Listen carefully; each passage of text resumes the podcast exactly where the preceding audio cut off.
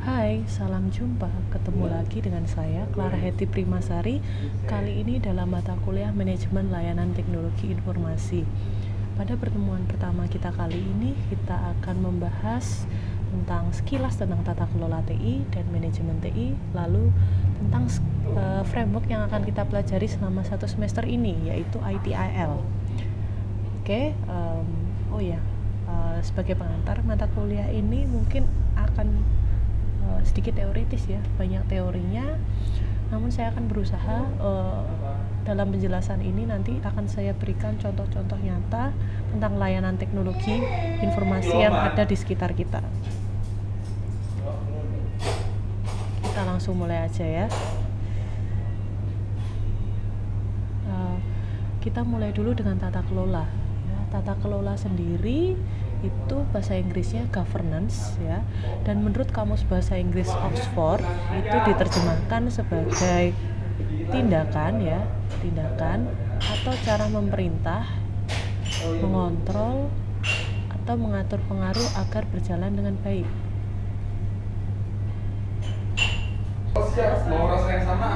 Dalam konteks organisasi atau perusahaan, tata kelola adalah tugas dari top manajemen ya tugas dari top manajemen kemudian uh, ada beberapa definisi dari tata kelola TI ya, IT governance. Di sini uh, ada tiga ya. Saya akan jelasin satu persatu. Ya ngartiin lah ya ngartiin satu persatu.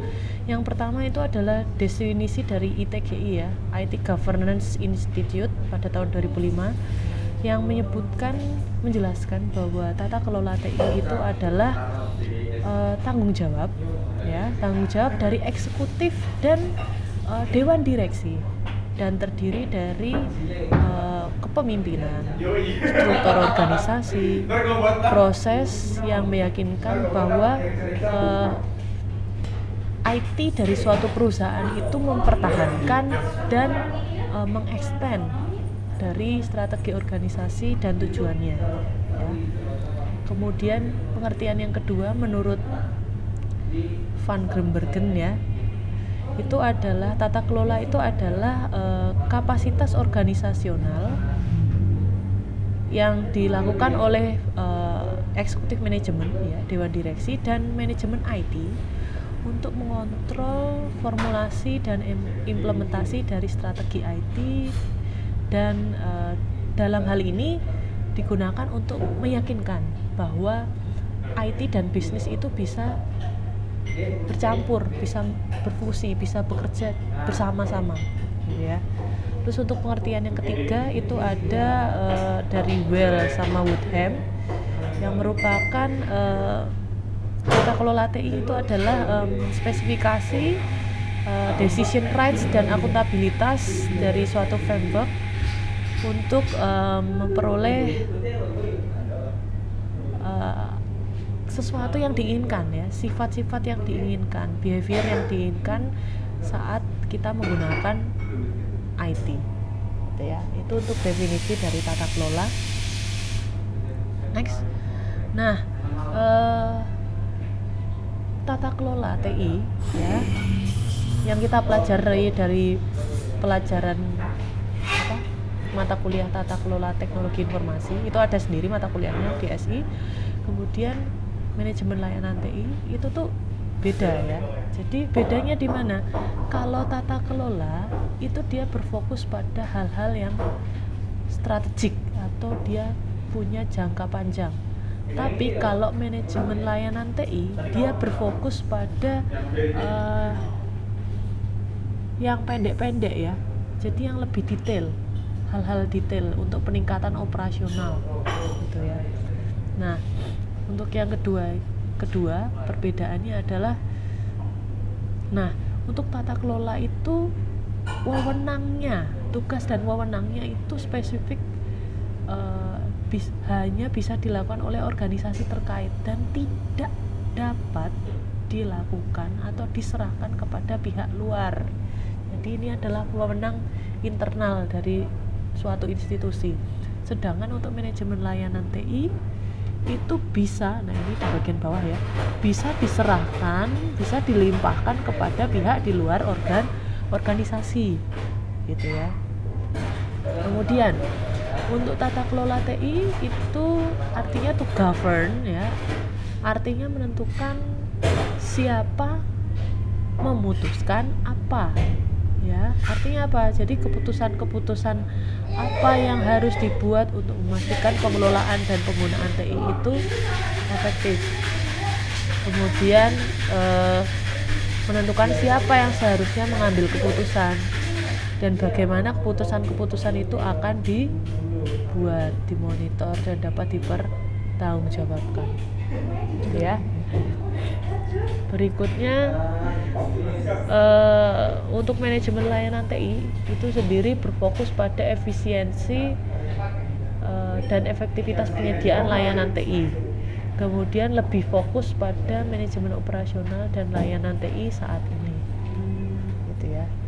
Itu untuk perbandingannya ya. Jadi di sini sih yang begitu kalau saya simpulkan ya yang jelas ya yang terlihat jelas itu adalah TKTI tata kelola TI itu ber, berfokus pada hal yang bersifat jangka panjang atau strategi.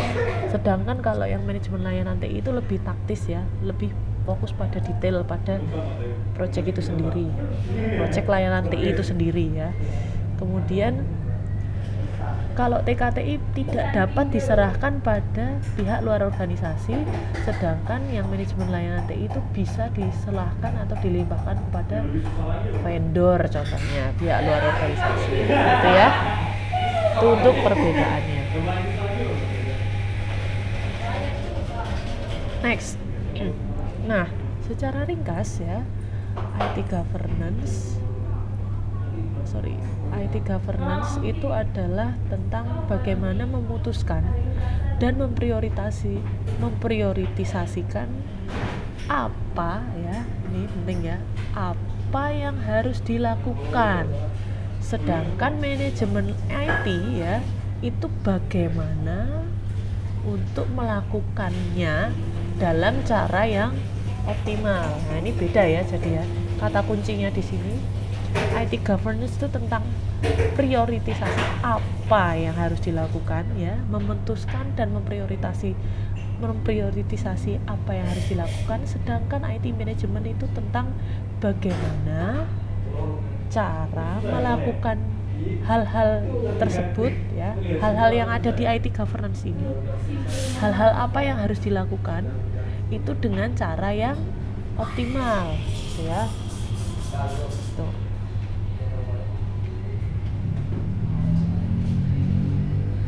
Kemudian berikutnya.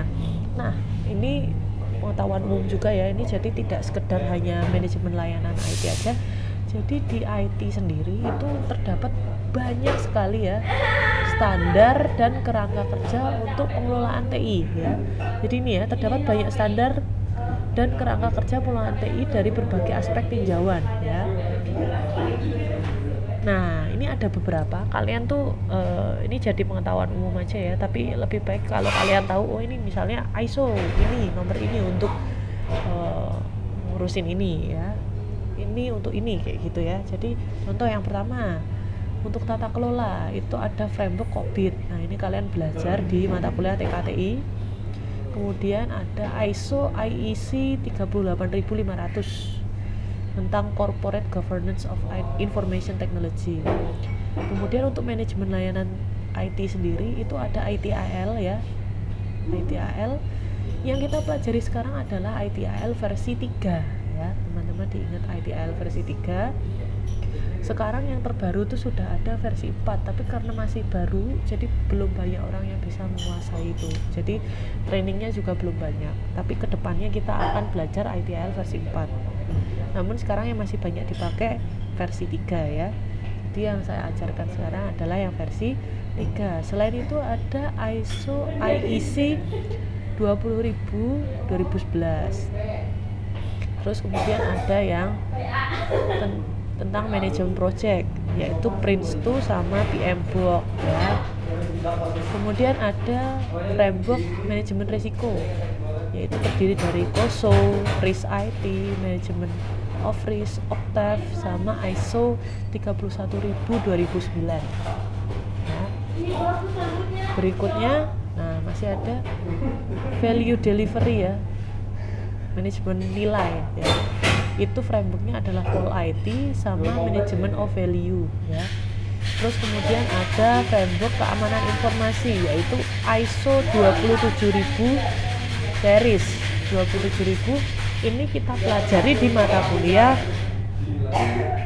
keamanan sistem informasi ya. Nanti kalian bisa ambil itu di semester 5 nanti ada sertifikasinya. Kemudian ada framework untuk arsitektur enterprise yaitu TOGAF Zahman CEAF ya sama FIA ya. Nah untuk yang kita pelajari di uh, eh, SI ini adalah yang TOGAF TOGAF ini akan dipelajari di mata kuliah PSSI ya perencanaan strategis sistem informasi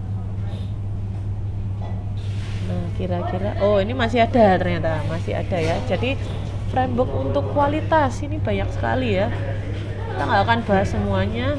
Ya ini paling nggak kalian tahu lah ya. Jadi ada Deming Cycle, Deming Cycle ini PDCE, dia adalah Plan Do Check Act, kemudian Urance Managerial Breakthrough, Kaizen, TQM, Six Sigma, BNQP, Lean, kemudian IFQM, dan ISO 9000 ya itu untuk manajemen kualitas.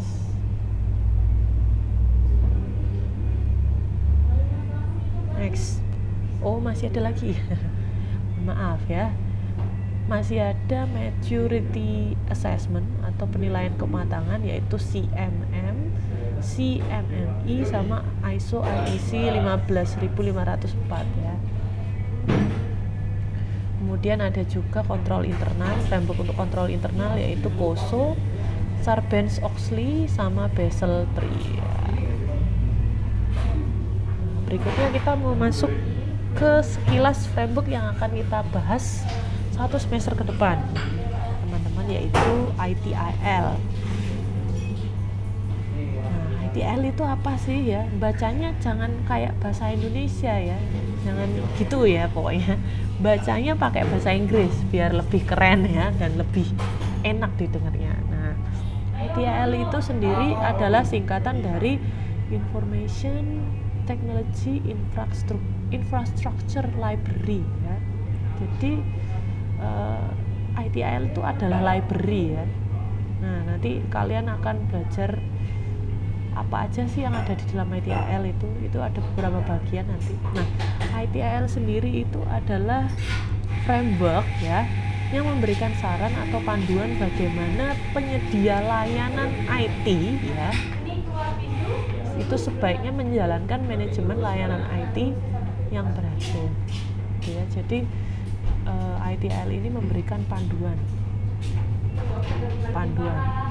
Yang namanya panduan itu ya yang namanya panduan itu diikuti boleh tidak diikuti juga boleh. Ya. jadi dia hanya memberikan uh, menunjukkan cara-cara ya itu nah kerangka kerja ITIL ini kok bisa sih disebut panduan karena dia dibuat berdasarkan praktek terbaik ya best practice dari organisasi-organisasi besar dalam menjalankan manajemen layanan IT dan telah teruji di berbagai jenis industri dan organisasi. Jadi uh, dia dibuat tuh tidak main-main ya ITIL itu. Jadi dibuat dari perusahaan-perusahaan besar yang sudah mengimplementasikan layanan IT-nya dan berhasil ya. Jadi kita belajar dari perusahaan-perusahaan yang besar dan apa namanya uh, cerita sukses mereka. Intinya seperti itu ya. Nah ini seperti yang saya sudah sampaikan di awal tadi. Jadi ITIL ini hanya panduan ya. Dia itu bukan standar.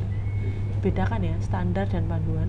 Kalau panduan itu uh, dia diikuti boleh tidak diikuti boleh. Tapi kalau standar itu adalah ya standar minimal. Jadi kamu tuh harus kalau kamu uh, menerapkan suatu standar misalnya ISO gitu ya ya kamu harus uh, melewati batas minimal dari yang ditentukan oleh standar tersebut tersebut ya.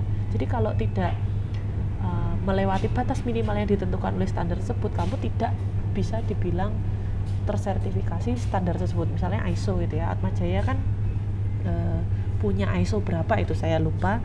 Nah Atma Jaya bisa dibilang dia itu berstandar ISO sekian itu karena dia sudah memenuhi standar minimal yang ditetapkan oleh ISO gitu ya. Sehingga dia bisa dia bisa uh, memperoleh atau memajang sertifikat ISO di uh, di web atau di papan pengumuman atau di uh, dinding nah seperti itu ya.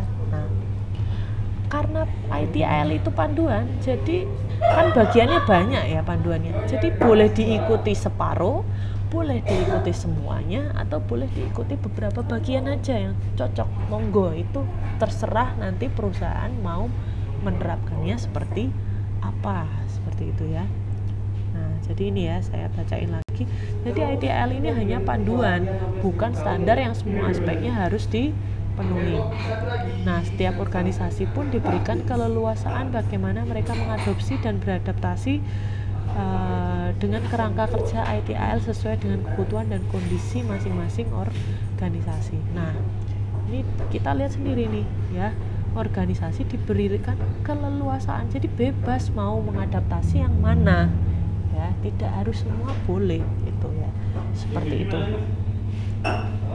Nah, uh, sejarahnya sendiri ya ITL itu dari mana sih ya ITIL itu diterbitkan pertama kali tahun 1980-an di akhir 1980-an oleh lembaga pemerintah United Kingdom ya yang bernama CCTA atau Central Computer and Telecommunications Agency. Nah, CCTA ini selanjutnya bergabung ke dalam Office of Government Commerce atau OGC yang hingga tahun 2011 selalu mendokumentasi dan mempromosikan praktek-praktek terbaik di industri.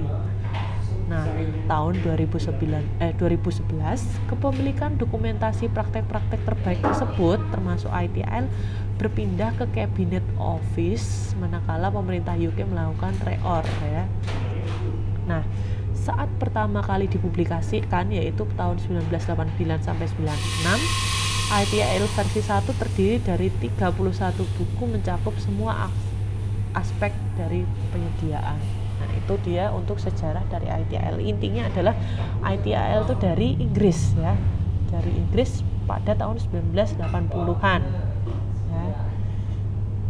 Diterbitkan oleh CCTA, Central Computer Technology telecommunication agency yang akhirnya dia bergabung dengan OGC atau Office of Government Commerce ya. Itu untuk sejarahnya. Nah tujuan utama ITIL itu apa sih? Nah ya tujuan utamanya sendiri adalah mendukung keberhasilan organisasi dengan mensinergiskan antara layanan IT dengan kebutuhan bisnis dan pelanggan pada saat ini dan di masa mendatang. Kemudian meningkatkan kualitas layanan IT secara terus-menerus, menekan biaya penyediaan layanan IT dalam jangka panjang. Itu untuk tujuan utamanya. Ya, kemudian berikutnya keuntungan perusahaan kalau mengadopsi ITIL ya nggak harus perusahaan sih setiap organisasi yang punya memberikan layanan IT itu mengadopsi ITIL itu keuntungannya apa sih ya jadi dia akan lebih paham ya perlakuan IT sebagai strategik aset bukan cost center.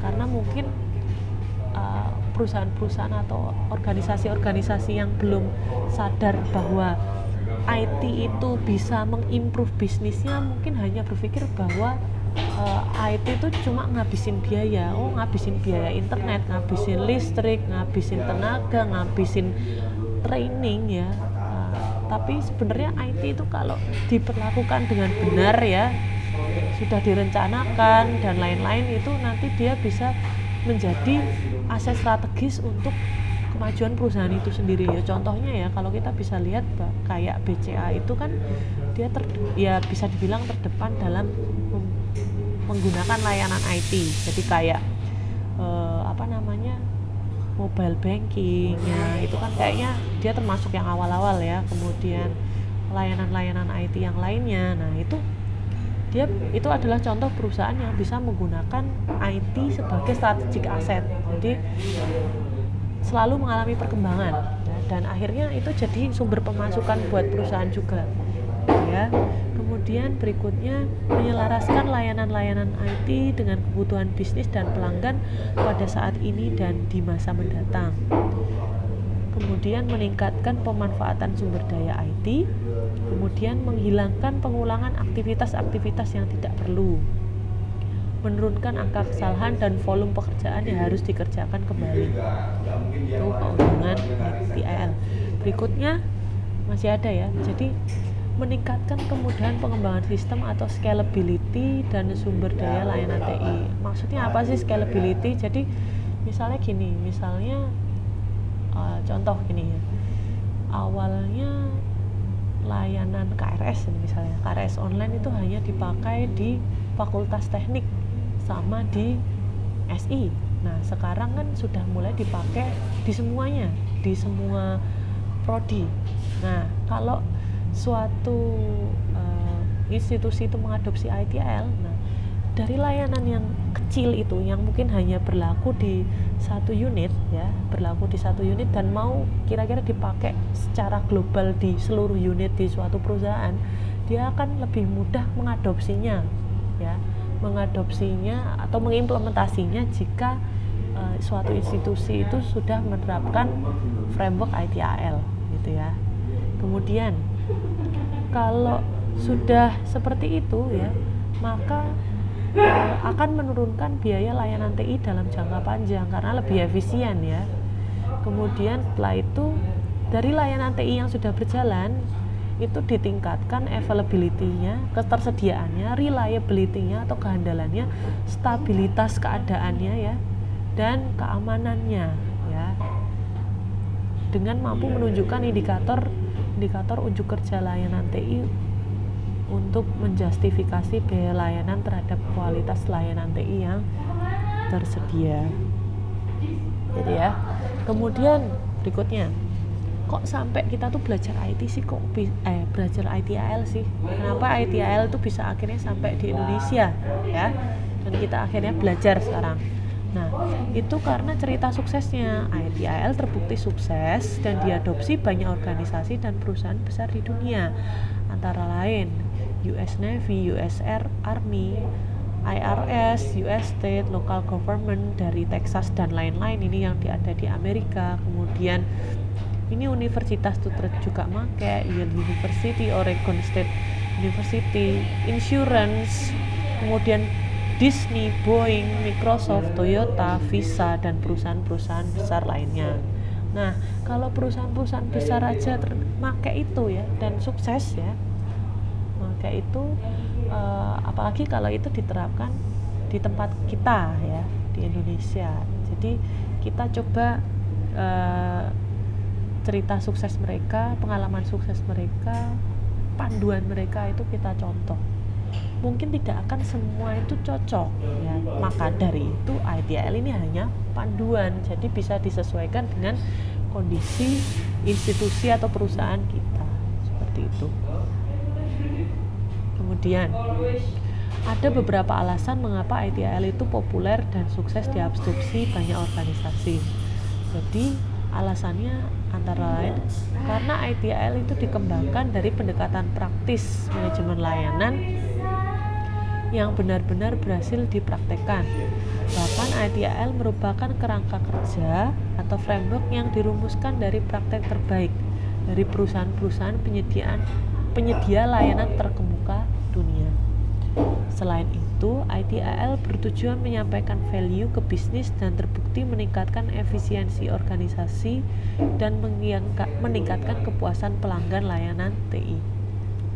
Dan kemudian DHL itu scalable ya. Nah jadi dia itu fleksibel ya fleksibel scalable kan namanya ada asal katanya dari skala Apple tuh bisa jadi bisa diskalakan. Jadi nggak masalah ukuran perusahaan yang menerapkan tuh kecil atau besar dia bisa menyesuaikan. Seperti itu. Jadi mengimplementasikan ITIL bukan berarti harus menambah staf layanan TI tapi bisa memberdayakan staf yang sudah ada. Ini maksudnya apa? Nanti kita akan belajar ada yang namanya role ya ada yang namanya fungsi. Gitu ya. Jadi mungkin ada satu orang yang kerjaannya itu double double kayak gitu ya. Satu orang punya dua role itu misalnya. Jadi kan nggak harus nambah pegawai lagi tapi bisa memberdayakan orang yang sudah ada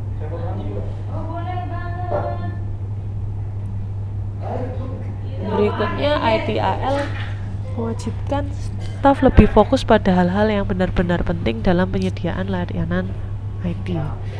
ITIL sendiri tidak terikat pada organisasi jenis tertentu. Nah, ITIL dapat diadopsi dan diadaptasi disesuaikan dengan organisasi layanan apa pun. Dia cocok bagi organisasi publik maupun swasta dan ITIL tidak terikat pada platform teknologi tertentu atau vendor netral. Oke, berikutnya ITIL sebagai good atau best practice. ITIL adalah sebuah good atau best practice dari manajemen layanan IT good practice sendiri adalah aktivitas atau proses yang sudah diimplementasikan banyak orang atau organisasi dan telah terbukti bekerja baik serta menghasilkan luaran sesuai yang diinginkan sehingga direkomendasikan menjadi model yang patut untuk ditiru atau diadopsi setiap orang atau organisasi. Ya. Berikutnya sedangkan best practice sendiri adalah aktivitas atau proses yang terbukti paling efektif dan dikembangkan dari pengalaman organisasi-organisasi paling sukses di bidangnya good atau best practice bukanlah sekedar teori atau hal baru yang belum pernah dicoba sebelumnya. Namun ia telah dibuktikan, diterima, dan digunakan secara luas oleh kalangan industri. Good atau best practice dikembangkan baik dari dunia akademisi ya asalnya ya asalnya itu dari uh, dunia akademisi seperti hasil penelitian kajian studi kasus sorry saya lanjut lagi seperti hasil penelitian, kajian studi kasus, pelatihan dan pendidikan maupun dari pengalaman dunia industri seperti standar ISO, kerangka kerja COVID, pengalaman internal organisasi maupun praktek-praktek umum industri. Nah, berikutnya adalah eh, sumber-sumber uh, dari good practice. Sumbernya dari mana aja sih? Nah, kita bisa lihat dari bagan ini nih, teman-teman ya. Jadi sumbernya itu bisa dari standar ya kayak ISO itu ya. Bisa dari praktek industri bisa dari hasil penelitian bisa dari training dan pendidikan dan bisa dari pengalaman internal dari perusahaan. Nah sumber-sumber ini ya itu di enable ya oleh pihak-pihak seperti karyawan, customer, supplier, terus advisor ya atau yang memberi saran dan teknologi. Nah, sumber-sumber uh, good practice yang sudah di enable ini di drive, di filter oleh substitutes atau mungkin pengganti regulator atau pemerintah atau customer ya. Dan di setelah di apa namanya di drive ini di jalankan dalam skenario misalnya e, kompetisi antar perusahaan, kemudian pemenuhan terhadap standar tertentu atau pemenuhan komitmen tertentu, komitmen perusahaan, komitmen visi misi perusahaan seperti itu. Nah, hasilnya hasil dari empat-empatnya ini adalah knowledge fit for business objective, context and purpose. Jadi e, pengetahuan yang pas untuk tujuan bisnis ya. Seperti itu. Jadi itulah sumber-sumber dari good practice. Berikutnya uh, kenapa sih kita belajar ITIL di sini? Selain karena ITIL itu punya banyak sekali keuntungan. Nah ternyata banyak peluang karir di bidang ITIL ini seperti service desk, kemudian sistem admin, kemudian desktop support, ITSM process owner dan lain-lain masih banyak kalian bisa baca di sini ya. Jadi peluang karirnya itu sangat besar kalau kalian mempelajari ITIL dan uh, kalau besok ada rezeki kalian bisa ikut sertifikasinya seperti itu. Nah, ini saya juga menunjukkan uh, benefitnya ya jadi gaji perusahaan di perusahaan internasional ya sekitar segini ya per tahun ini untuk yang pemegang sertifikasi ITAL ya dan di Indonesia pemegang sertifikasi ITAL itu dipercaya memiliki nilai jual dan kesempatan yang lebih besar untuk bekerja di perusahaan-perusahaan yang telah menerapkan teknologi informasi secara masif dan concern dengan pengelolaan layanan TI. Nah, contoh-contoh perusahaan besar yang sudah menerapkan ITIL di Indonesia itu antaranya di antaranya ada Departemen Keuangan, Pertamina, Telkom, BI, Gudang Garam, Sampurna, Kalbe Farma, Alliance, Aksa, Asabri dan lain-lain. Nah, sertifikasi ITIL sendiri juga dapat meningkatkan peluang gaji awal pemegang sertifikasi tersebut hingga di atas 15 juta per bulan ya. Jadi ngefek banget ya untuk uh, karir kalian besok ya. Seperti itu. Kemudian nah ini berdasar data dari pay scale ya tentang gaji-gaji uh, pekerjaan di bidang ITAL ya. Ini untuk senior project manager kemudian service delivery manager kemudian dan lain-lain. Kalian bisa lihat gajinya di sini ya. Tinggal dikali 10.000 ya. Seperti itu. Nah untuk sertifikasinya sendiri itu ada empat tingkatannya. Yang pertama adalah yang foundation.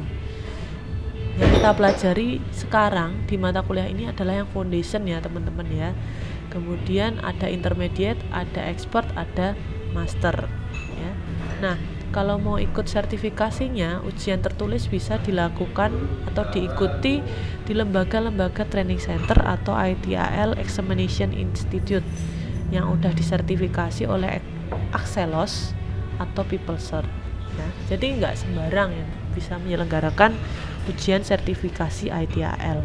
Nah, biayanya sendiri berapa ya? Biayanya ini saya ambil dari webnya PeopleCert ya. Itu 329 dolar ya. Itu price for Indonesia tinggal dikali ya kursnya itu berapa? Ya 10.000 lah ya, seperti itu itu dia nah itu dia teman-teman materi minggu ini tentang uh, sekilas tata kelola sekilas manajemen TI dan sekilas ITAL uh, mohon maaf jika ada kekurangan dalam penyampaian uh, video kali ini ya uh, jika ada yang ingin ditanyakan bisa ditanyakan ke saya Terima kasih, selamat berjumpa kembali nanti di pertemuan kedua.